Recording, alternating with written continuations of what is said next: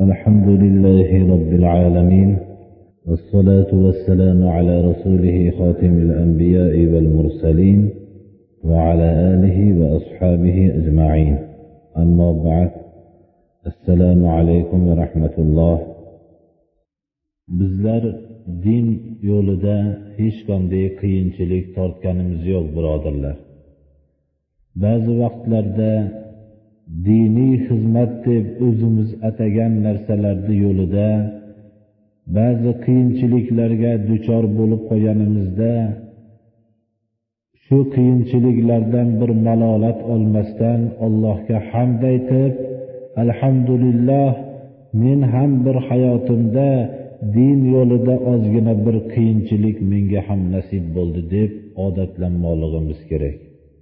Chunki o'zimizni bir hayotimizni o'tgan sahobalarni hayotiga taqqoslab ko'radigan bo'lsak bu sahobalar bilan jannatda bo'lishlikni o'ylashlikdan ham hayo qilib uyalib qolamiz birodarlar. Rasululloh sollallohu alayhi vasallam shu dinni tarqatib shu yo'lda ollohni hukmidan zarracha siljimasdan qilgan mehnatlari sababli tortgan qiyinchiliklarini xayolimizga bir tarixdan keltirsak biz u kishiga ummatman degani uyalib qolamiz birodarlar. Agar u kishi xalq bilan murosa qilib yashaganlarida payg'ambar bo'lmasdan ilgari hamma xalqlar u kishini hurmat qilishib hatto hali payg'ambar bo'lmasdan turib u kishi xalq o'rtasida muhammad amin deb nom chiqargan edilar mana. Shu tortgan qiyinchiliklar hammasi ollohni buyrug'ini bajarish yo'lida bo'ldi. Mana bu o'qib berilmoqchi bo'lgan hadis sharif ham payg'ambarimiz sollallohu alayhi vasallam va u kishining eng yaqin kishilari bo'lgan abu bakr roziyallohu anhu va umar ibn xattob roziyallohu anhularning qanday darajaga chiqib qolishganliklarini ko'rsatadi abu bakr roziyallohu anhu ham makka xalqi ichida davlatmand kishi edilar islomni qabul qilishlaridan ilgari umar ibn hattob ham makka ahlini ichida nihoyatda shiddat bilan obro' bilan nom chiqargan kishi edilar bismillahi rohmanir rohim وعن أبي هريرة رضي الله عنه قال خرج رسول الله صلى الله عليه وسلم ذات يوم أو ليلة فإذا هو بأبي بكر وعمر رضي الله عنهما. فقال ما أخرجكما من بيوتكما هذه الساعة؟ قال الجوع يا رسول الله. قال وأنا والذي نفسي بيده لأخرجني الذي أخرجكما قوما فقاما معه. فأتى رجلا من الأنصار فإذا هو ليس في بيته. فلما رأته المرأة قالت مرحبا وأهلا. فقال لها رسول الله صلى الله عليه وسلم أين فلان؟ قال ذهب يستعذب لنا الماء. إذ جاء الأنصاري فنظر إلى رسول الله صلى الله عليه وسلم وصاحبيه ثم قال الحمد لله ما أحد اليوم أكرم أضيافا مني. فانطلق فجاءهم بعذق فيه بسر وتمر ورطب فقال كلوا وأخذ المدية فقال له رسول الله صلى الله عليه وسلم إياك والحلوب. فذهب لهم فأكلوا من الشاة ومن ذلك العذق وشربوا. فلما أن شبعوا ورووا قال رسول الله صلى الله عليه وسلم لأبي بكر وعمر رضي الله عنهما والذي نفسي بيده لتسألن عن هذا النعيم يوم القيامة أخرجكم من بيوتكم الجوع ثم لم ترجعوا حتى أصابكم هذا النعيم. Bu hadis sharifni imom muslim rivoyat qilganlar. Imom muslim hadis to'plamlarida keltirganlar. Abu hurayra roziyallohu anhu aytadilarki rasululloh sollallohu alayhi vasallam ba'zi kunda yoinki ba'zi kechada tashqariga chiqdilar. Abu bakr va umar roziyallohu anhumoni ko'rdilar. Va savol qildilarki uylardan bu soatda sizlarni ko'chaga chiqishlikka nima narsa majbur qildi dedilar. Aytdilarki yo rasululloh ochlik chiqishga majbur qildi dedilar. Shunda payg'ambarimiz sollallohu alayhi vasallam aytdilarki ruhim qudrat qo'lida bo'lgan zotga qasam ichib aytamanki meni ham sizlarni ko'chaga chiqishlikka majbur qilgan narsa chiqardi dedilar. Yuringlar dedilar. Ikkovlari birga rasululloh sollallohu alayhi vasallam bilan birga yurib ketishdilar. Ansorlardan madinalik ansorlarning bo'lgan bir kishining hovlisiga keldilar. U kishi uyda yo'q edi. Ayollari ko'rgandan keyin marhaban va ahlan deb kutib oldilar. Ayolga rasululloh sollallohu alayhi vasallam falonchi qani? deb uy egasini so'radilar. Aytdilarki bu ayol bizlarga ichadigan suv istab ketdi dedilar. Shunda ansoriy to'satdan kelib qoldi. Degani ya'ni ichadigan shirin suvni istab ketdi dedilar. Ansoriy to'satdan shu vaqtda kelib qoldilar rasululloh sollallohu alayhi vasallamni va ikki sohiblari abu bakr umar ibn hattobni ko'rib eshiklariga mehmon bo'lganligi uchun kelib qolganliklarini ko'rib allohga hamdlar bo'lsinki hozirgi kunda mendan ko'ra ulug' mehmoni bor odam yo'q dedilar. Va tezda bir xurmoni boshi deymiz uzum boshi degandek bir bosh xurmo olib keldilar. Bir bosh xurmo mana hajga borib kelgan kishilar bilishadilar biz eshitganmiz kattaroq bo'ladi. Bu boshda pishmagani ham bor edi pishgani ham bor edi g'o'rasi ham bor edi. Yeyglar deb qo'yib o'rtaga shu bir bosh xurmoni qo'yib qo'ydilar ko'p xurmo bo'ladi. O'zlari pichoqni oldilar. Rasululloh sollallohu alayhi vasallam uy egasining pichoq olganligini ko'rib sog'in hayvonni dan ehtiyot bo'l so'ymagin dedilar. Bir dona ba'zi rivoyatlarda keladi sog'in echkisi bor ekan birodarlar. Boshqa narsasi yo'q ekan. Ana shuni payg'ambarimizning bu so'zlariga quloq solmasdan so'ydilar. Shu bu yerda minashati deyilyapti ya'ni qo'y ekan yani bitta sog'in qo'yi bor ekan birodarlar. Ana shu qo'yni so'ydilar qo'ydan yeyishdilar. Shu xurmo boshidan ham yeyishdilar va suv ichdilar serob bo'lishganlaridan keyin rasululloh sollallohu alayhi vasallam abu bakr va umar ibn xattob roziyallohu anhuga aytdilarki ruhim qudrat qo'lida bo'lgan zotga qasam ichib aytamanki shu ne'matdan qiyomatda so'ralasizlar dedilar.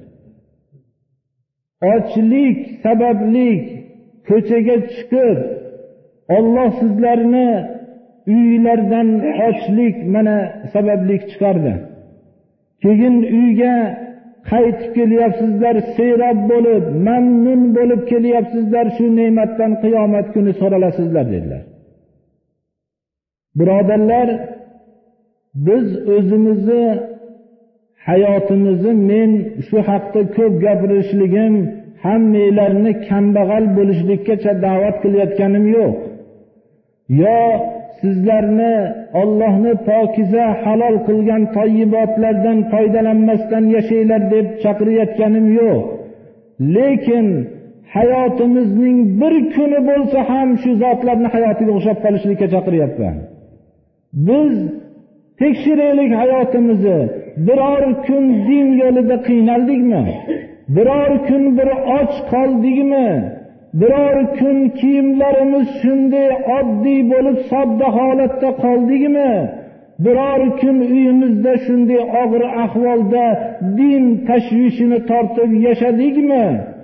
Mana bu savolni har bir qalbida iymoni bo'lgan kishi o'ziga bir savol qilib ko'rsin. Keyin shu zotlar bilan jannatda birga bo'lishlikni orzu qilsin birodarlar. Agar bular din tashvishida bu holatga agar tashvish tortmasalar bemalol xalqlar o'rtasida mamnun bo'lib yashardi. Biz ixtiyorimiz bilan ba'zi bir diniy mehnatlar bo'lib qolganda diniy bir tashvishlar bo'lib qolganda dinni xizmati bo'lib qolganda hayotimizda bir kunni ham bo'lsa o'xshatishlikka harakat qilaylikki shu kun bilan ajabmas olloh o'zining rahmatiga olsa shu kunda o'zingni yo'lingda bir qiyin alchiliklarni och qolib tashnalik shu kunlarni boshimdan o'tkazuvdim deb shunga hamd aytib yuraylik hech bo'lmasa mana bu shunday qiyinchilik ochlik sababli serob bo'lib qaytayotgan vaqtlarda ruhim qudrat qo'lida bo'lgan zotga qasam ichib aytamanki sizlar bu ne'matdan qiyomat kuni albatta so'ralasizlar deyaptilar. Biz hayotimizni meni mana shu hozirgi aytgan so'zimni hammamiz bir hayotimizga taqqos qilaylik birodarlar. Bir tekshiraylik o'zimizni. Qaysi yo'lda qiynalyapmiz? Mabodo och qolib qiyinchilik tortgan bo'lsak ham dunyo bir tashvishida shunday qolganmiz birodarlar. Ana payg'ambarimiz sollallohu alayhi vasallamning hayotlarini ichida shunday kunlar bo'ldi. Ana u ikki zot abu bakr roziyallohu anhu umar ibn hattob u zotning ana shunday kunlarida sharik bo'lishdilar. Bo'lishib hatto dunyo hamma yoq serob bo'lib ketgan vaqtda ham umar ibn hattob xususan bu kishining davrida dunyo nihoyat darajada baytulmol to'lgan edi. Shunda ham payg'ambarimiz sollallohu alayhi vasallam bilan birga o'tgan holatlarini esdan chiqarmasdan shu holatlarni buzmadilar. Bu kishini oilalari og'ir holatda qolganlarida ashoblar ko'rishib maoshlarini ko'paytirib qo'yaylik deganlarida shu qizlari orqali e'lon qilishdilar maoshni ko'paytirishlikni. O'zlari e'lon qilgani qo'rqishdi maoshni ko'paytirgani e'lon qilishlikdan qo'rqishdi birodarlar. Ana xalifalar qanchalik o'zlarini qanchalik tutganlar. Shunda qizlari kirib aytganlarda aytgin menga kim buni bayon qilgandi dedilar. Men va'da qilganman kim bayon kim aytganligini aytmaslikka dedilar.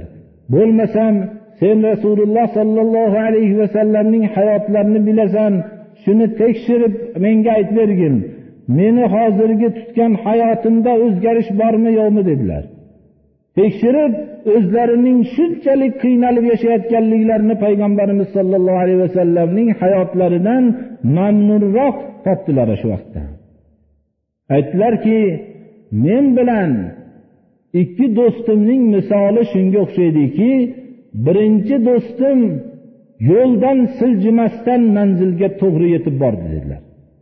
Ikkinchisi birinchi do'stimni yo'lidan zarracha siljimasdan do'stga ulandi dedilar. Uchinchi do'st yo'lda ketyapti dedilar. Agar shu yo'ldan zarracha siljisa ikkala do'stga bog'lanmay qoladi dedilar. Ana shunday o'zlarini shaxsiy hayotlarini shunday tutgan ekanlar. Ammo atrofni dunyo bilan hammalarini g'arq qilib tashladilar shuning uchun said ibn musayyab orzu qilgan ekanlarki payg'ambarimiz sollallohu alayhi vasallamning hujralari buzilgan vaqtida payg'ambarimiz sollallohu alayhi vasallamning masjidlarini kengaytirishlik uchun hujralar buzilgan vaqtda yig'lagan ekanlarki shu hujralar saqlanib qolsa bo'lardi. Kelajak vaqtlardagi rahbarlar bu holatni ko'rib islom rahbarining qanday yashaganligini ko'rsa bo'lardi degan ekanlar. Shu hujralar saqlanib qolsa deb ko'p yig'lagan ekanlar. Lekin hujralarni buzilib masjidi nabiy sollallohu alayhi vasallam kengaytirildi. Shu kengaytirilishlik bilan qur'oni karimda hujralarning nomi saqlanib qoldi mana. Va hatto hujralar nomli sura bor mana qur'oni karimda. Yana takror aytamiz men sizlarni kambag'allikka da'vat qilayotganim yo'q. Islom davlatman bo'lishlikka lekin davlatman bo'lib shu davlat yo'lida xor bo'lib qolmaslikka chaqiradi. Odamlarni hamma tomondan toyibotlarni yeyishlik islomda halol lekin hayotimizni hammasini shu yo'lga sarflab qo'yishlikdan ogohlantiraman hammamizni birodarlar. Avvalo o'zimni ogohlantiraman alloh subhanahu va taolo hayotimizni dinga xizmatlar chiqib qolgan vaqtida dunyoni xizmati chiqib qolgan vaqtida dinni xizmatini afzal ko'radigan kishilardan qilsin allohu akbar. Alloh taolo bizni ham shunday hidoyat yo'lidan alloh taolo chiqarmasin. Allohu akbar. Shu bir savol qildilar kengroq yoritib berishdan ham to'g'ri. Men avvalda aytgan edim birovga muhtoj bo'lmasdan yashashlikka odatlanishlikka insonlar bir biriga ehtiyojlari tushadiyu hamma xalqni degan savol paydo bo'libdi. Ehtiyojlar tushadi bu ehtiyojotlarni bir birlarinikini ta'minlab yurishlik shuni jazosi mukofoti bo'ladi. Payg'ambarimiz sollallohu alayhi vasallam bir birlaringlarga hadya beringlar muhabbatinglar oshadi dedilar. Bu ehtiyojni tushirishlikdan men maqsadim birovga qaram bo'lib yashashlikdan o'zini ehtiyot qilishlik bu. Ba'zi kishilar birovga qaram bo'lib yashashlikni mutlaqo ehtiyojini tushirmasdan harakat qiladigan kishilar ham bo'ladi. Bu tarafdan shariat tarafidan bunga ma'mur emas. Mabodo ehtiyoji tushsa shuni xizmat haqqini berib yurishlik ehtiyojini tushirishi emas bu albatta. Ehtiyoj xalqlar bir biriga ehtiyoji tushadi. Masalan bir kishi imorat qilishlikda bir ustaga ehtiyoji tushadi. Buni xizmatini haqqini berishlik ehtiyoji tushishlik deb aytilmaydi buni. Birovga qaram bo'lib yashashlik ehtiyojini tushishligi shu biz qaytarib ogohlantirgan narsa birovga qaram bo'lib qolishlikdan saqlanishlikdir bu hadisdagi aytilgan alloh taolo hammamizni shu hadislarga amal qilishlikka alloh taolo tavfiq bersin. Allohu akbar.